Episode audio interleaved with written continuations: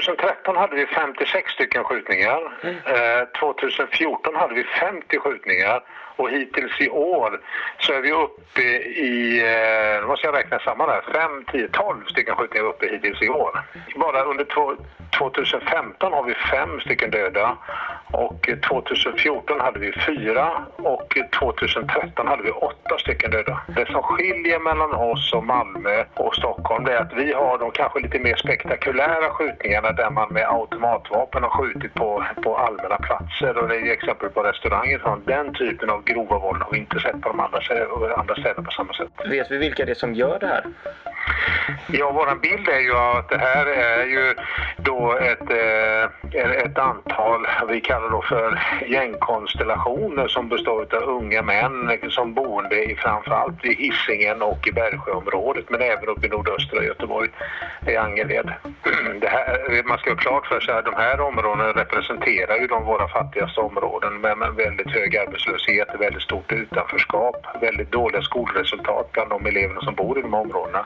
Och vi har väldigt, väldigt hög segregation kan man säga i de här områdena. Det gör att vi har en högre kriminalitet i de här områdena generellt sett. Eh, så att eh, eh, det, är en stor skillnad på de här områdena jämfört med övriga Göteborg. Det där var Paul Sjölander, kommissarie på länskriminalpolisen i Västra Götaland. Och i det här avsnittet av Handelspodden ska vi ta reda på varför Göteborg är en så delad stad och där de så kallade utsatta områdena har betydligt mycket mer kriminalitet, våld och utanförskap än resten av staden. Den senaste tiden har skjutningar med automatvapen och det dödliga våldet ökat kraftigt. En skrämmande utveckling som tyder på att något är trasigt i staden vi lever i. Vad beror den här utvecklingen egentligen på? Och vilka är mekanismerna bakom? Samtidigt är det många fler som drabbas av situationen än de som tar till eller för den delen faller offer för vapnens kulor. De som lever sina dagliga liv i våldets närhet men som inte skapar tidningsrubriker.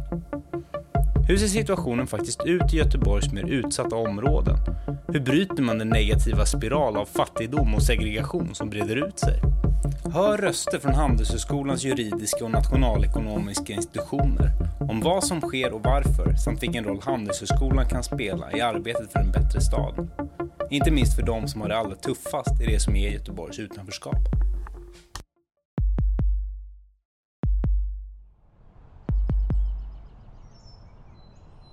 Är det inget litet tema vi har tagit an i det här avsnittet? Nej, verkligen inte. Vi borde kanske förklara lite, lite hur vi har tänkt här. Mm, för tanken föddes ju med de skjutningar som, som har varit i Göteborg den senaste tiden. Och varav den senaste var bara för några dagar sedan. Mm. Och den fundamentala frågan varför det här sker. Mm. Samtidigt... sen, så, ja, men sen så kommer det att växa och bli någonting, ja, ett större avsnitt liksom om ja. segregation och utanförskap och utsatthet överlag. Allt det här samtidigt som att vi två som bor i Janneberg inte märker någonting av det här i princip. Nej, och jag då som kommer från Stockholm från början har eh, väl vetat sedan tidigare att Göteborg kan, kan ses som en segregerad stad. Men eh, att sådana här saker som skjutningar och det här grova våldet ändå kommer lite som en blixt från klar himmel. Mm. Och um, återigen lite på den här segregationsaspekten att jag då som kommer från en villaförort till Göteborg har många kompisar som aldrig har satt sin fot i något av de här så kallade utsatta områdena norr om stan. Nej, eller hur? Man kan ju inte säga att vi är rädda för att bli skjutna direkt. Nej. I, i vår vardag. Nej, det kan man inte Nej. säga. Nej. Men samtidigt så går vi ändå på Handelshögskolan som är en institution där det um, bedrivs väldigt mycket samhällsvetenskaplig forskning. Mm. Och tänkte väl att det måste ju finnas några svar här. Om vi bara hittar rätt personer att fråga. Ja, ett exempel på det är ju Katarina Nordblom som du träffade eh, på nationalekonomiska institutionen häromdagen. Ja, ja, men precis. Och vi pratade ju framförallt om den samhällsekonomiska aspekten mm. av, av det här problemet. Eh, men hon kom också med väldigt många intressanta infallsvinklar i egenskap av eh, beteendeekonom. Som är, det är ju mer i gränslandet mellan psykologi och, och ekonomi, vilket blev, ja, det var jätteintressant. Ja, men så jag tycker vi kan väl lyssna på den intervjun nu. Yes. Ja, då säger jag välkommen till eh, Katarina Nordblom. Mm, du okay. är prefekt för eh, Nationalekonomiska institutionen med statistik. eh, och en rutinerad föreläsare med ett 13 sidor långt CV. Aj då, Jaha, du, du, har, du har läst det till och med. Mm. Ja, eh, och du ska hjälpa oss att förstå kanske den lite mer samhällsekonomiska aspekten av det, det ökade grova våldet i Göteborg och vad man tittar på inom nationalekonomin för att försöka ta sig an de frågorna. Mm, åtminstone ett par små bitar mm. av det hela. Exakt. Eh, så du har ju forskat mycket själv om eh, eh, ja, psykologi inom ekonomi och kanske lite mer beteendeekonomi. Eh, vad finns det för bitar där som man kan titta på?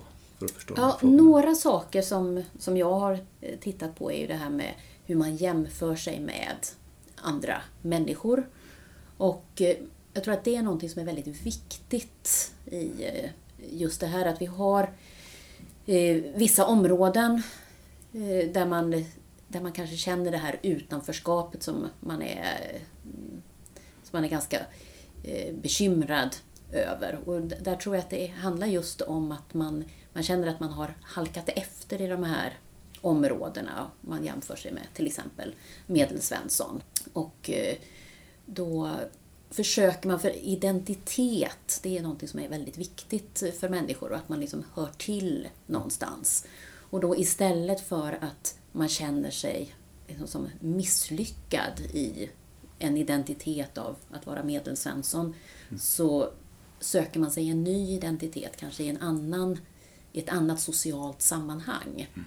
Och där kan man också se då att normer och värderingar ser kanske väldigt annorlunda ut än de i samhället i övrigt. Mm. Och om man ser till eh, lite mer bredare och generella begrepp inom nationalekonomin, eh, tänker på ja, arbetslöshet och mm. hälsoekonomi och sådana siffror, finns det någonting där man kan titta på? Ja, om man, om man ser då, om man ska försöka förklara, det är inte så lätt att förklara till exempel varför eh, det blir mera eh, våldsbrott i vissa delar. Men, eh, men just det här att man ser att segregationen gör att eh, eh, man har olika socioekonomiska eh, indikatorer på i de olika, olika stadsdelar i Göteborg till exempel. Och där handlar det dels om att, att man kanske inte har samma förutsättningar. Vi säger liksom att alla ska ha rätt till skola och sjukvård och sådana saker. Men, mm.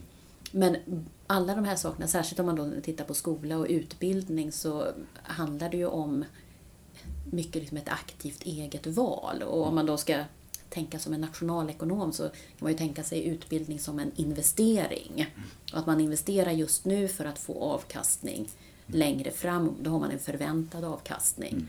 Men då bygger det på att man då själv då har vissa positiva framtidsutsikter. Ja, precis. Och att man faktiskt har då en förväntning om att man, det här kommer att gå bra. Och om man känner att man inte har den förväntan, ja då kanske det är att man söker sig till, till andra saker istället som kanske är, man inte riktigt tycker är lika önskvärda liksom ur mm. samhällets eh, synvinkel. Till exempel en, en brottslig bana som på kort sikt kan te sig mycket mera lukrativ. Mm. Annat.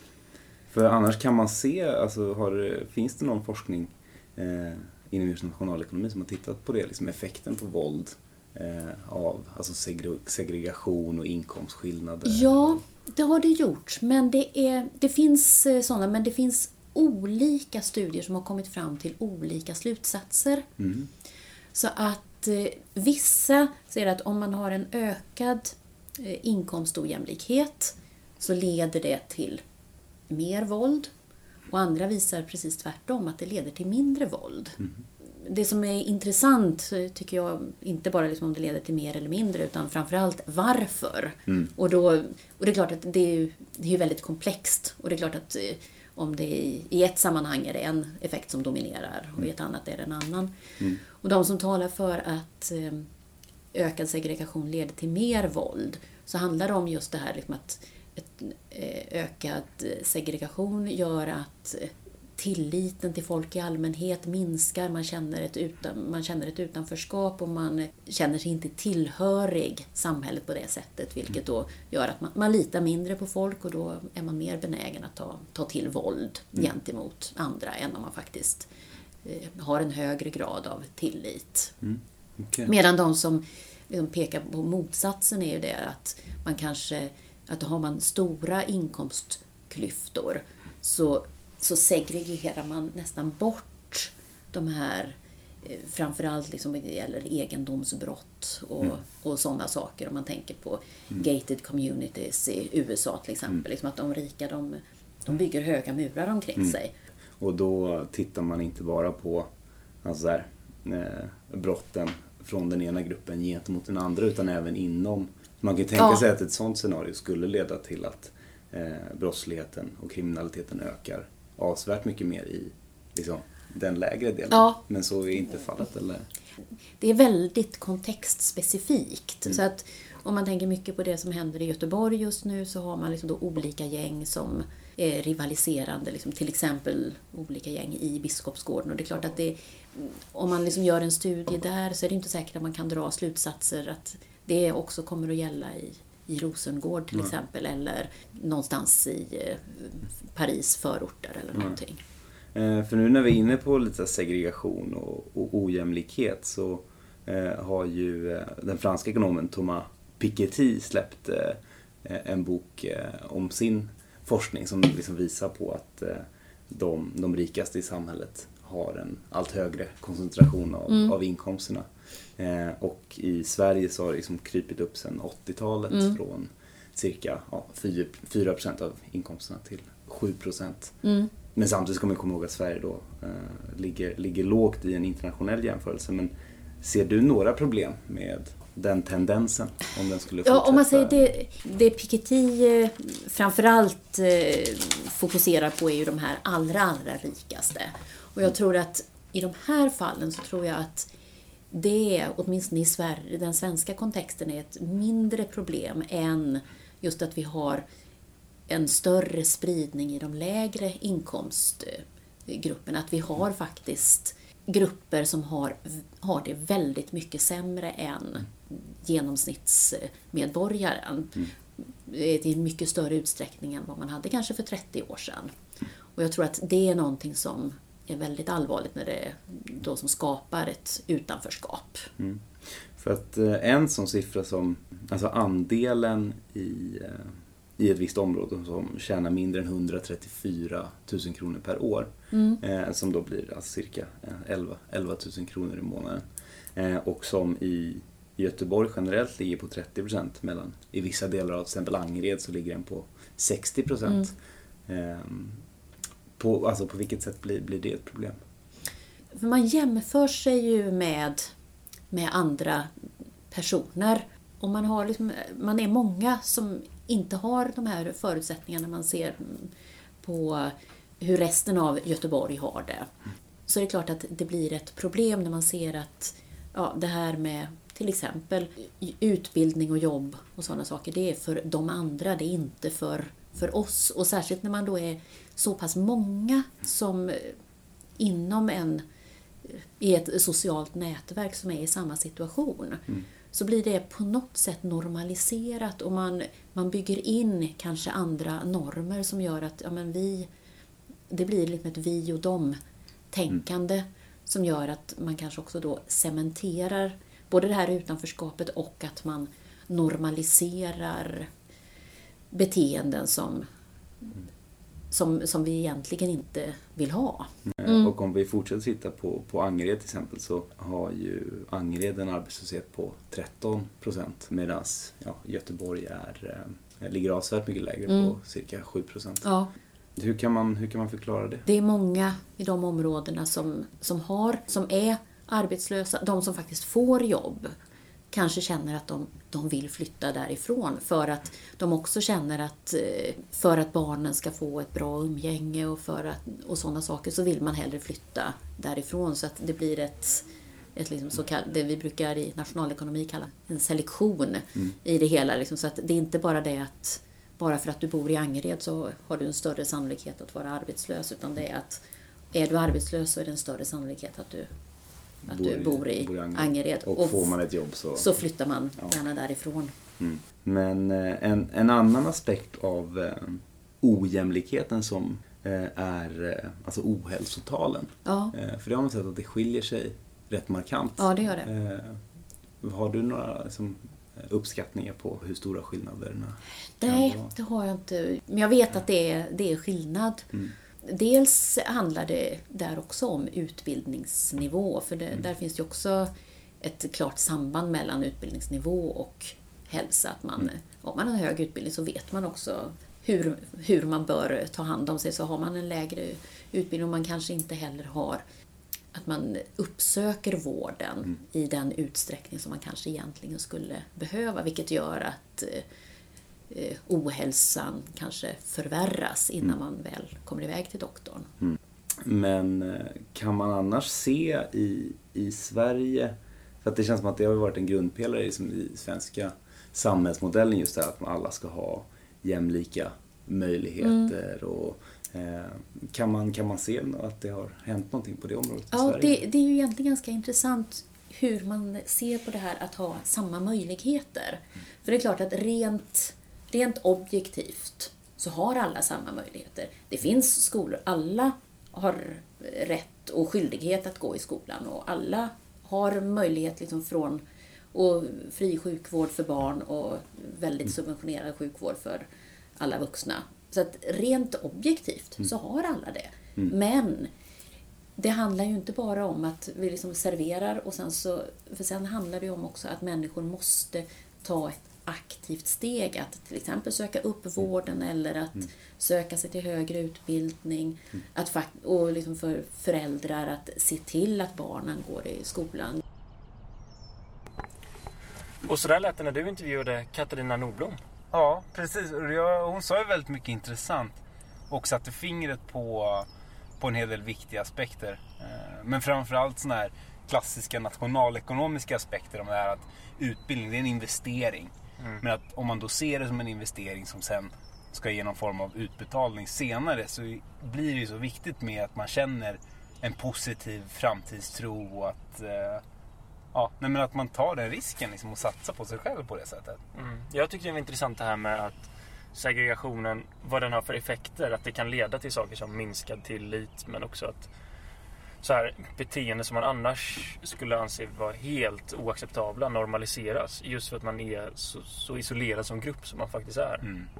Verkligen, och det, känns, det blir väldigt uppenbart när man väljer att skjuta in på en restaurang Ja. fylld av oskyldiga att eh, det är någonstans i normer och värderingar som har spårat ur. Liksom. Mm, verkligen. Men också det där som hon sa att att vi ändå i Sverige, att vi rent teoretiskt har samma möjligheter. Att vi har sjukvård, vi har skola och, och omsorg. Och att egentligen så... Ja, alla kan ju ta del av det, alla Ja. som vill. Men Eh, att det är ändå någonting som händer på vägen som gör att det stannar i, i teorin. Mm. Och det kände vi väl båda två lite att det blir ett väldigt teoretiskt synsätt när man tar på sig de här nationalekonomiska glasögonen. Mm. Och det blir lätt så att akademin står utanför och tittar in Mm. på de här områdena. Ja, så- Verkligen. Men det var därför det kändes så självklart också att efter den här intervjun att prata med någon som faktiskt är född och uppvuxen där och kan säga mer hur det faktiskt ser ut Mm. i de områdena på riktigt. Och det ledde oss då till Mikael Bernardini som arbetar på juridiska institutionen. Och som uppvuxen i Hammarkullen i, i Angered så känner han ett väldigt djupt engagemang för de här frågorna och de här områdena. Mm. Och eh, han bekräftar en hel del som vi hört innan men kom också med en hel del nya intressanta infallsvinklar. Dels då som jurist från Handels men även som boende i området. Eh, Så jag tycker vi tar och lyssnar på det. Yes. Eh, Jag heter Mikael Bernardini och jag är född och uppvuxen och bor i Hammarkullen som ligger i Angered. Bott där hela mitt liv och gått i skola där. Gick eh, sedan gymnasiet på Angeredsgymnasiet främst. Gick ett år inne i stan. Men flyttade sedan till Angeredsgymnasiet och vilket kändes väldigt bra.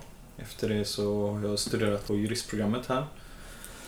Tog examen för ett år sedan och jobbar nu mer på Institutet för innovation och samhällsförändring som är en centrumbildning under juridiska institutionen på Handelshögskolan. Och vad gör ni där?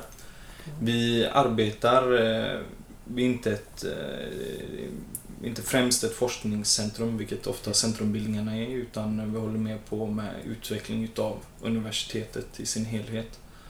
Och då handlar det hur universitetet eh, nyttiggör de, de, vad ska man säga, de forskningsresultat eh, som man då skapar och hur kommer vi gå in mer på hur universitetet samverkar med andra samhällsaktörer eh, för att det mer ska bli ett samspel mellan samhälle och universitet. Okay. Och kommer väl börja arbeta här. Jag har nya projekt med samhällsutmaningsdrivet arbete. Mm. Absolut. Vilka, vilka är, är de utmaningar skulle du säga? Eh, vad ska man säga? Vi har miljön, ökade klyftor mellan eh, den som redan har och den som inte har så mycket, mellan fattig och rik. Och, jag menar, det är ett stort problem och orsaker får verkan. Och att vi ser att de ökade klassklyftorna liksom leder till sämre hälsa och även sämre liv för väldigt många. Mm. Eh, om vi tittar på exempelvis Hammarkullen då, eller, och sen så finns det några andra områden också i Göteborg som man traditionellt sett kanske säger är lite mer utsatta. Hur ser situationen ut, tycker du, i de här områdena? Vad är din bild av det? För att beskriva området, så jag menar de senaste vad blir det, 20 åren som man sett liksom ständiga nedskärningar mellan skolorna får från mindre resurser. Eh, man försöker lägga ner, eh, även om det inte lyckas då i och med att människor protesterar, så försöker man lägga ner fritidsgårdar, man försöker lägga ner bibliotek, man försöker lägga ner eh, medborgarkontor. Områdena utarmas. Mm. Samtidigt så, så jag menar, jag har vänner för livet. Liksom vänskaper för livet. Man har haft, jag menar, det är som i vilket område som helst, mm. men ändå inte. Ja, jag menar jag är född och uppvuxen där vi kan sitta här idag och ha det trevligt och liksom diskutera väldigt viktiga frågor. Så mm. Skillnaden mellan oss är väl inte jättestora samtidigt mm. som skillnaderna är väldigt stora. Och det är det, jag menar, de här skillnaderna då, det slår ju mot de som inte har möjlighet att överta eller ta sig över de här hindren. Jag menar, det leder ju till att väldigt många jämfört med andra områden råkar i knipa. Mm. Samtidigt får jag bara säga snabbt att där jag kommer ifrån så bor det 7000 människor. Mm. Så jag menar, det, några få leder till väldigt mycket tidningsrubriker, rubriker, mm. men den stora massan är ju liksom människor som hela tiden söker arbete och mm. majoriteten med en stor del arbetar ju också. Så ja, det, exakt. För att vi, när vi har pratat lite med, dels med Otto men också med Katarina Nordblom som sitter på nationalekonomiska institutioner. Eh, så var liksom det, det som kom upp eh, en fråga just om att, att få folk att, att söka en utbildning Eh, och att det ofta är kanske vägen, vägen framåt men att, då, att folk måste känna alltså dels en, en, en framtidstro och alltså känna att de är eh, inkluderade i samhället för att kanske alltså då ta, ja, göra den investeringen i sig själva. Mm. Eh, skulle du säga att den känslan finns där? Hade jag inte varit engagerad i mitt område så hade man nog haft en mer pessimistisk syn om man enbart läser media och det, det är en ganska skev bild. Eh, jag har delvis genom ett projekt här på Handels, men sen av eget intresse så har jag kontakt delvis med min gamla gymnasieskola. Kanske några fler än jag var yngre som inte, som liksom är i riskzonen, inte har någon framtidstro och delvis med rätta i och med att det, det, jag menar, det är inte lätt att ta sig fram i liksom skolans, eh, vad ska jag säga, jag menar det, det är ett hårt klimat idag. Mm. Men Samtidigt så ser jag väldigt många är väldigt glada med jag vill jag vill bli läkare och jag vill bli liksom sjuksköterska och sen kanske de hoppar på, jag, menar, jag säger att jag vill bli advokat när jag var yngre. Så då, jag menar, det är många och väldigt många som är duktiga också. Mm. Och när jag sitter och pratar med dem så får jag samma känsla som när jag själv var yngre. Mm. Samtidigt som vi vet att det är mycket hårdare. Och, eh, så jag menar, eh, det finns framtidstro bland mm. många, men det är inte lätt heller. Och det som är tur för dem är väl att de inte möter andra delar av staden. Eh, som ibland liksom, jag menar, ger dem en annan blick eller vad du skulle säga. Mm. Utan att kasta skit på andra stan, för jag menar, mm. det är inte, jag menar, det finns bra och dåliga människor överallt. Vi har ju också, ja, alltså mediabilden och mm. att eh, det, det är den man känner till. Att det blir väl ofta tyvärr en, en, en lite, lite nidbild med den som utgångspunkt om man ska prata om det här alltså grova våldet som har eskalerat och nu det senaste med, med, med skjutningarna som, eh, som varit här i Göteborg och gängvåld och sådär. Eh, vad, ser du liksom som de bakomliggande orsakerna till det? Att se det är ju att, jag menar, vi har, vi har ju sett en stor, stor förändring i Sverige de senaste 30 åren egentligen. Vilket OECD pekar på, men även eh, Göteborgs stad i eh, en rapport som heter Skillnader i livsvillkor och hälsa i Göteborg. Mm. Där social, social resurs i Göteborgs stad har ju gått in då liksom jämfört med ohälsotal och liksom ökade klyftor. Där vi ser att jag menar, vissa delar av Göteborg, vad är det medianinkomsten eller medelinkomsten ökat med x antal hundratusen. Mm. Samtidigt som man ser att i Bergsjön så jämfört med det på den tiden då fattigaste, då har det minskat med 10 000 kronor. Mm. Jag menar, vi ser ökade klyftor och som jag sa, jag menar, om jag utgår från Hammarkullen, vilket även gäller för stora delar av Sverige, så ser du en mindre, mindre resurser till skola, mindre resurser till liksom, den här allmänna servicen som delvis visar att samhället satsar på någon. Mm. Men som även leder till att människor kan få en bättre väg in i samhället. Mm. Så jag menar, vi, vi skapar små spökstäder där människor då kan... Eh, delvis så, liksom, för vissa, tyvärr, jag skyddar inte någon för jag menar, de som drabbas av, jag menar, det är vanliga människor som drabbas av de här skottlossningarna. Och det visar den senaste manifestationen, det är liksom en ung kille som precis ska börja liksom, ta sina kliv in i livet, bli mördad och... Ja. Men finns det, finns det förebilder för de unga som växer upp? Det är ju väldigt mycket i och med att eh, jag menar, människor påverkas av den här bilden av att allting är skit hela tiden. Eh, vilket leder till att det är väldigt många som flyttar. Man försöker rädda sig själv hela tiden och då blir det en sån ond spiral. Så här, eh, vad är det man brukar säga? Social draining eller så här, liksom, människor som har det liksom lite mer försvinner och lämnar människor som inte har det lika eller som inte kan ta sig därifrån om man nu skulle vilja det. I vilken ände tror du att man ska börja om man nu ska få folk att stanna i de här områdena? Som du nämnde att många flyttar när man kanske får lite bättre inkomst. Hur ska man få dem att stanna där? Men man börjar med skola. Mm. Men även arbete för de som är äldre idag. För jag menar människor vill arbeta. Det är skitsnackat när folk vill liksom gå på bidrag och så vidare. Mm. Men jag menar, man ska börja med att se till att börja. Jag menar, delvis måste vi fokusera på barnen. Men det är väldigt bra att du tar upp vuxna, vilket man ibland glömmer. Jag menar, men satsa på områdena. Men det behövs arbete, det behövs nya bostäder. För jag menar, det är väldigt trångbott. Meningsfull fritid. Och, men även för, liksom, eh, även för de vuxna. Men jag tror att om man ser till att människor får ett arbete.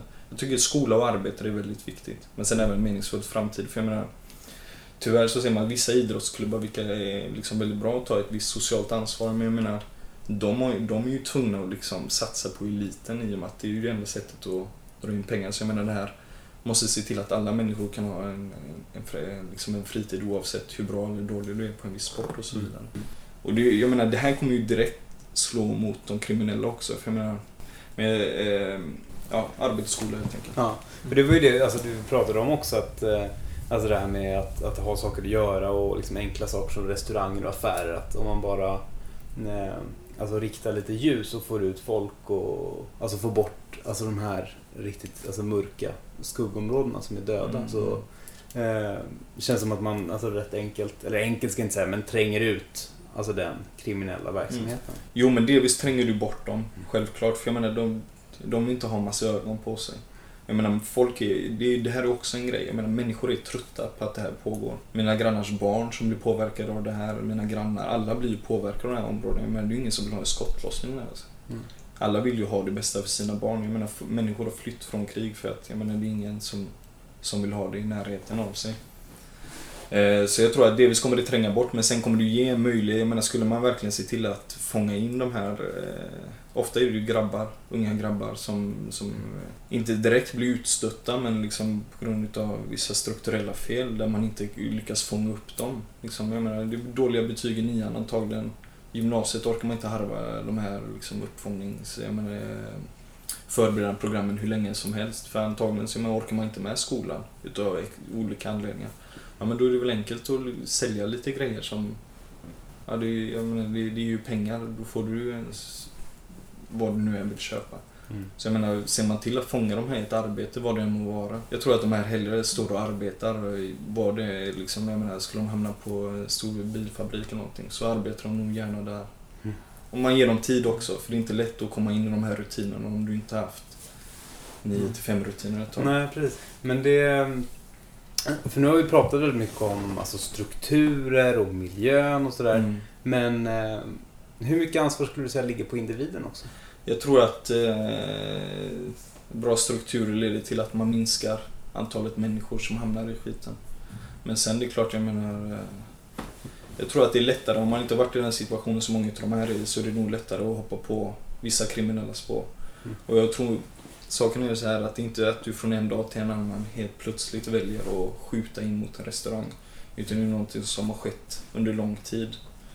Men det är klart att eh, väljer du att skjuta någon eh, så, så ligger det ju väldigt mycket på dig. Och jag tar ju avstånd från all den här skiten liksom som påverkar eh, mina egna, om man säger så. Jag tycker att i och med att det offentliga i princip har dragit sig tillbaka från stora delar av det som egentligen är ens uppdrag, som man har pengar till, så tycker jag att det offentliga borde ta ett väldigt mycket större ansvar.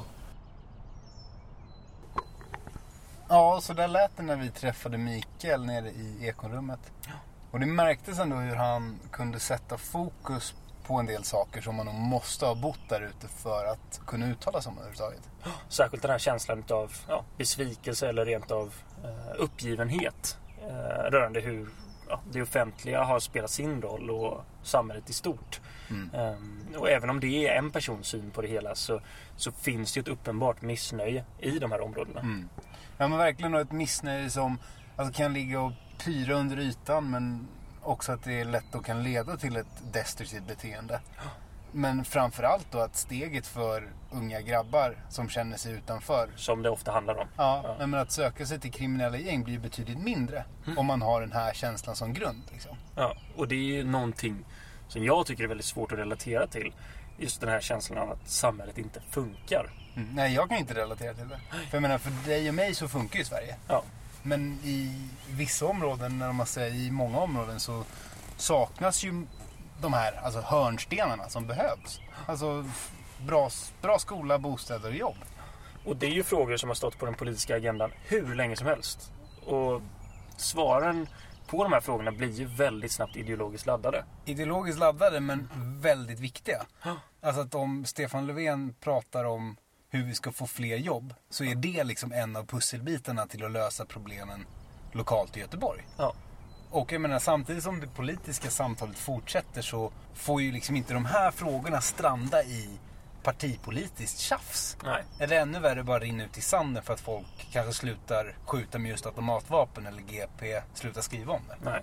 Samtidigt, så just eftersom att det här har stått på agendan så pass länge så kan vi inte heller helt överlämna det åt politiken. Eh, Jag säger inte att vi inte ska tro på politiken men vi kanske borde lyfta blicken och se till vad vi som individer kan göra som någon typ av komplement. Ja, verkligen. För det tror jag kommer behövas. Och som den här intervjun som vi ska lyssna på nu med, med Otto är ju ett så tydligt exempel på det. Alltså hur individer kan göra skillnad. Men framförallt i det här fallet hur en handelsstudent kan göra skillnad. Eh, och eh, ja, så på ett sätt som blir så tydligt att det här handlar inte om parti, partipolitik utan snarare om ren medmänsklighet. Och i just det här fallet då så handlar det om hemlösa i Göteborg. Vilket i och för sig är en annan form av utanförskap. Men jag tycker att det här initiativet visar på hur en institution som Handels kan vara så pass bred och spela så pass många roller i samhället. Och här då eh, hjälpa de som kanske står längst utanför samhället. Eh, vilket är något som man kanske inte förknippar Handels med i första taget. Nej. Nej, men och med det så är det kanske dags att lyssna på intervjun med Otto. Om hemlöshet, EU-migranter och vad vi studenter kan göra för skillnad. Absolut. Vad skulle du beskriva själv att du, du gör här på Handels? Ehm, Jag jobbar med juridiska institutionens rättspraktik eh, som vi drog igång i november förra året, eh, 2014.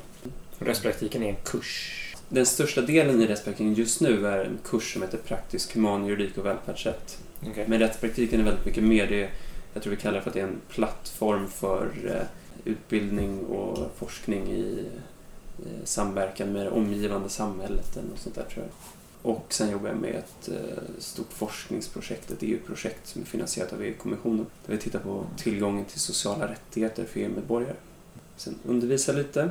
Eh, och sen vid sidan av det så är jag projektledare för och initiativtagare till Faktum-juristerna på tidningen Faktum.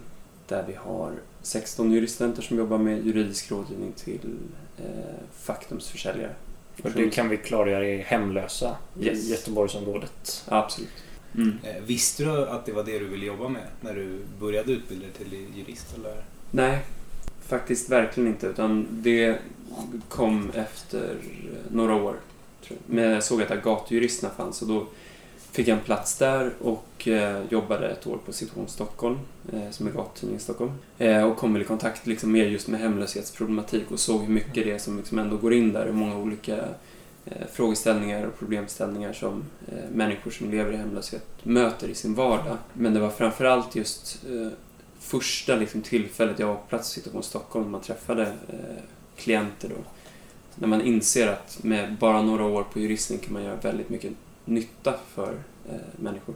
Och det gav mig en enorm liksom, kick och energi och sen så sen dess är jag helt liksom, fast på hemlöshetsproblematik och jobbar mycket med det och läser allt som finns. Liksom. Hur ser du på det? Du uppenbarligen då med bakgrund från Stockholm. Mm. Se, hur ser du på det? Finns det några skillnader mellan Göteborg och Stockholm? Hur det här hanteras? Eller? Stockholm är liksom lite... Rent naturligt storleksmässigt så, så, så känns Göteborg lite mer överblickbart på något sätt.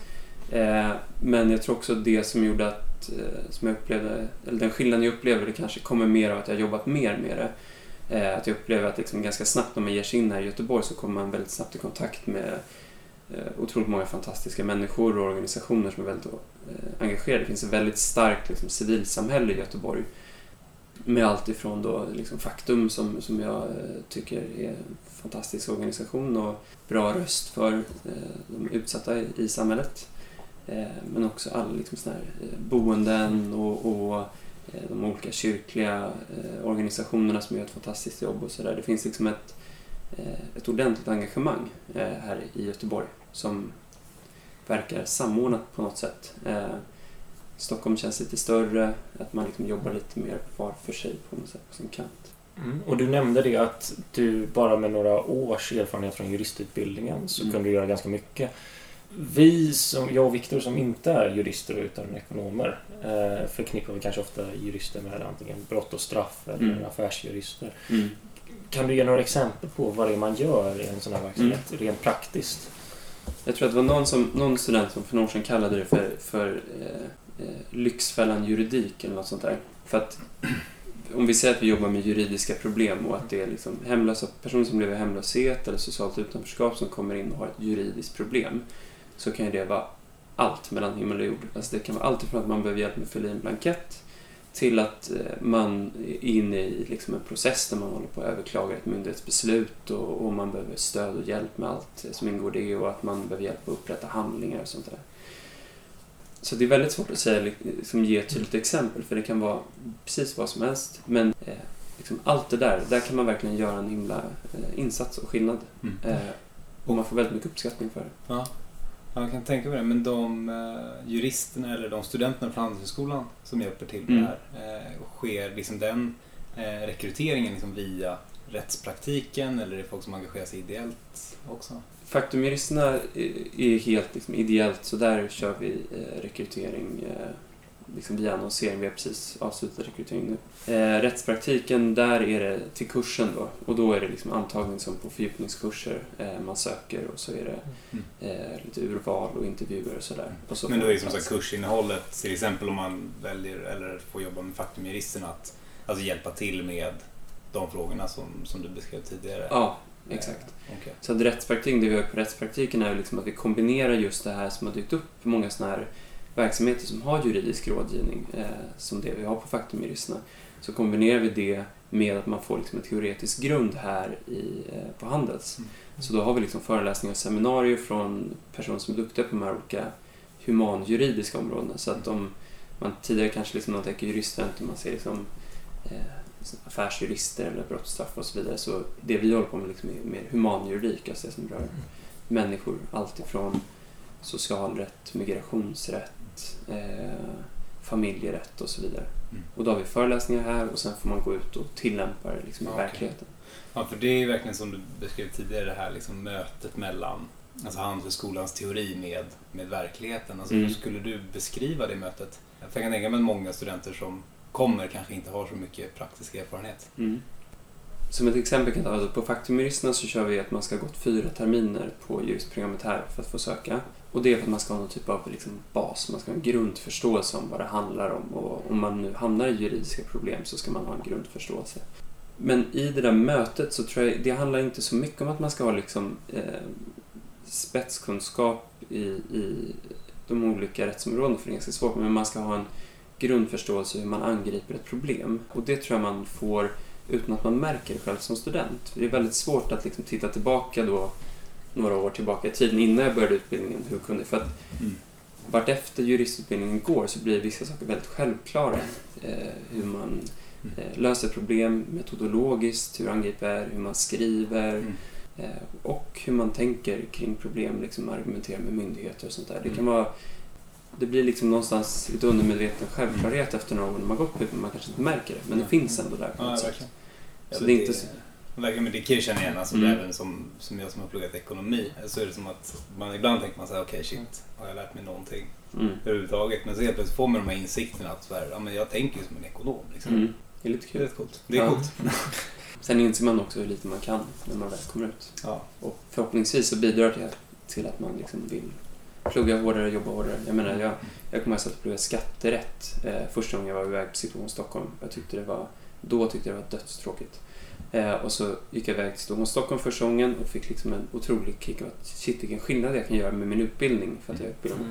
Så jag liksom verkligen sprang tillbaka och pluggade skatterätt. Tyckte det var jättekul för jag ville bli färdig just för att jag skulle kunna liksom jag kände helt plötsligt att min utbildning liksom kunde göra någonting. Alltså man kunde göra någonting mer.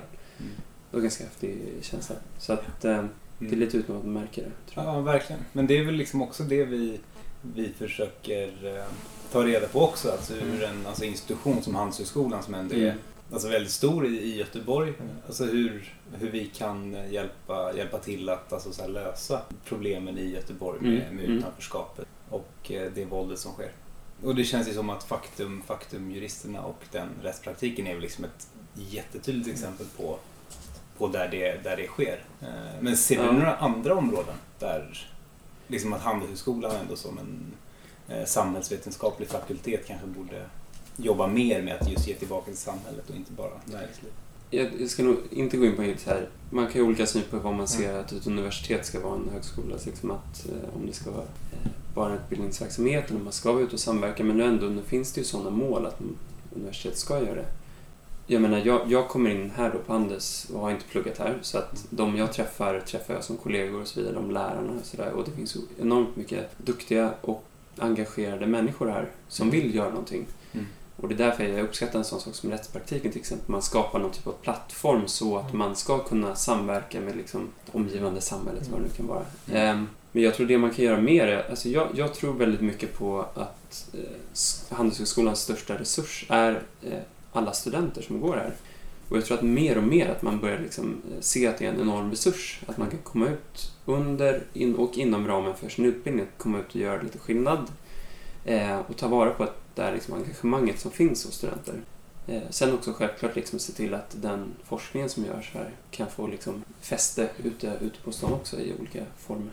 Mm. Men om vi så att säga, lyfter blicken lite då. ehm, vi är ju den del i landet som skick, varifrån flest kommer som åker till Syrien exempelvis för att strida Mm. för IS och vi har haft överlägset flest skjutningar och dödsskjutningar. Mm. Så någonting är det ju i Göteborg som får folk att göra de här sakerna Mm. jämfört med... Och vi som, vi som vi pratade med eh, Katarina Nordblom som är professor i nationalekonomi. Mm. Så pratade vi mycket om det här, alltså vikten av att alltså känna sig eh, alltså delaktig i, i samhället Mm. och kunna ja, men på något sätt känna en ordentlig framtidstro. Mm. Känner Ja, du igen den beskrivningen? Ja, absolut. Och där har man väl liksom någonstans kärnan till problemet också tror jag. Eh, sen liksom det som vi upplever också, eh, man träffar människor som lever i någon typ av social utsatthet så är det så att det har blivit väldigt svårt, allting har blivit väldigt komplicerat. Eh, att administrera sitt liv har blivit så otroligt svårt. Eh, och har man inte en utbildning eller vad det nu kan vara så kan de mest enkla sakerna vara jättekomplicerade och då blir det liksom ett avstånd någonstans. Kanske blir det lätt att man, man känner att man inte är en del eh, av samhället heller. Så att det ligger någon, någon, någonting i båda dem, att man inte känner någon framtidstro och man inte känner sig delaktig. Eh, Och har situationen förändrats något sen då vi har sett att många romer har kommit till Sverige Mm. exempelvis? Som är, hur har ni upplevt det? Ehm, Är de delaktiga i Faktum också eller Ja. hur ser det ut där?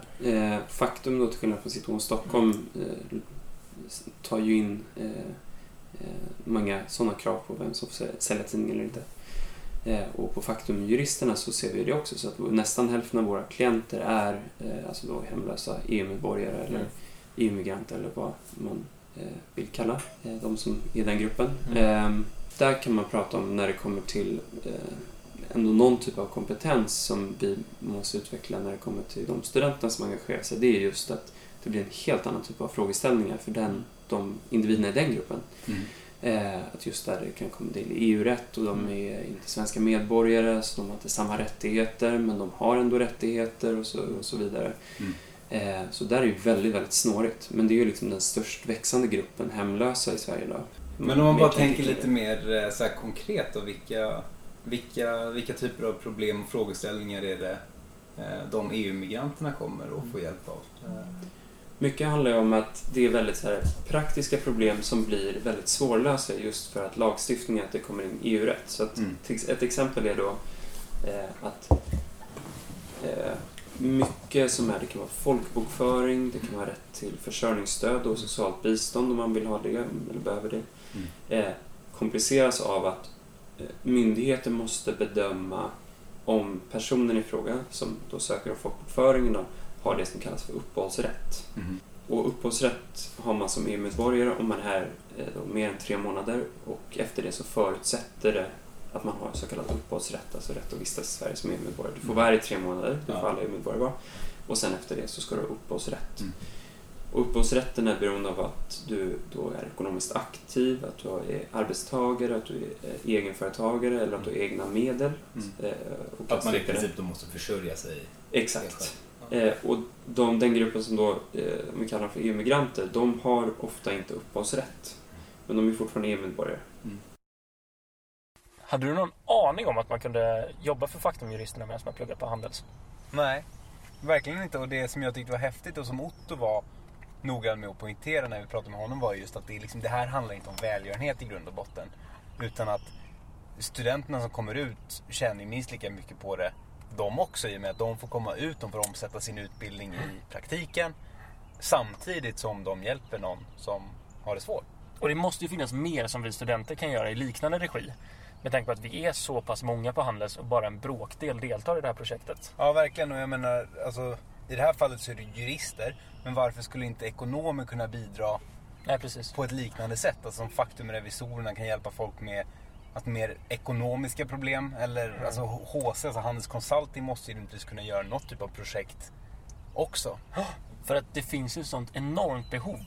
Och även nu om vi tittar tillbaka på de inslagen som vi har haft där, att hemlösa inte är samma sak som problematiken kring just skjutningar, så rör det sig i båda fallen om ett kraftigt utanförskap.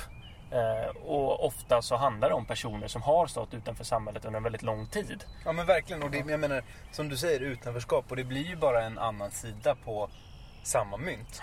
Och visar på ändå att alltså, utanförskapet är väldigt brett. Mm. Det är komplext. Och att i de hemlösas fall så handlar det ju om bostäder och enklare vägar tillbaka in i samhället. Men samtidigt så måste ju det också vara applicerbart på alltså kriminella och de som hamnar snett i den typen av aktiviteter också. För att det finns väldigt mycket strukturer som Mikael var inne på. Som antingen kan förenkla eller försvåra det som blir individens ansvar att ta sig tillbaka. Men om man nu lyssnar på Katarina, Otto och Mikael så är det ju väldigt uppenbart att det finns väldigt stora problem. Eh, Och jag tror inte att vi sammanfattar det bättre än kommissarie Paul Sjölander som vi hörde allra först här i programmet. Nej. En sista fråga där. Hur, hur tänker du kring det här utöver det polisiära arbetet? Ser ni någonting mer som behövs? Det har varit en väldigt intensiv diskussion de senaste åren här där vi har, vi har verkligen försökt att påtala att det här, är ett, det här är ett problem inte för, bara för polisen utan det är ett samhällsproblem i stort. Eh, vi klarar inte av att lösa de här problemen själva utan man måste jobba mycket mer långsiktiga lösningar där, där man ser eh, samhället som ett alternativ för alla individer som bor i, i vårt land. Eh, idag är det ju inte på det sättet utan många av de som föds och växer upp i de områden har väldigt små möjligheter att komma in i samhället för utanförskapet är väldigt starkt och det här kan, det måste man bryta genom att man tidigt sätter in eh, åtgärder för att få meningsfulla sysselsättningar för många av de här unga och det är framförallt unga pojkar som vi pratar om. Ehm, dessutom så är det ju så att flera av de här unga, de här barnen som växer upp i den här, lever växer upp i en väldigt dålig miljö med där våldet är en utpräglad del i de här familjerna. Ehm, och det måste man också sätta in åtgärder för att komma åt. Men samtidigt ska man ha klart för sig att varje, egen, varje individ har ju ett eget ansvar också att inte gå in i kriminell miljö. Det får man inte glömma bort i den här diskussionen. Så det är inte bara omgivningens fel att det blir på det här sättet.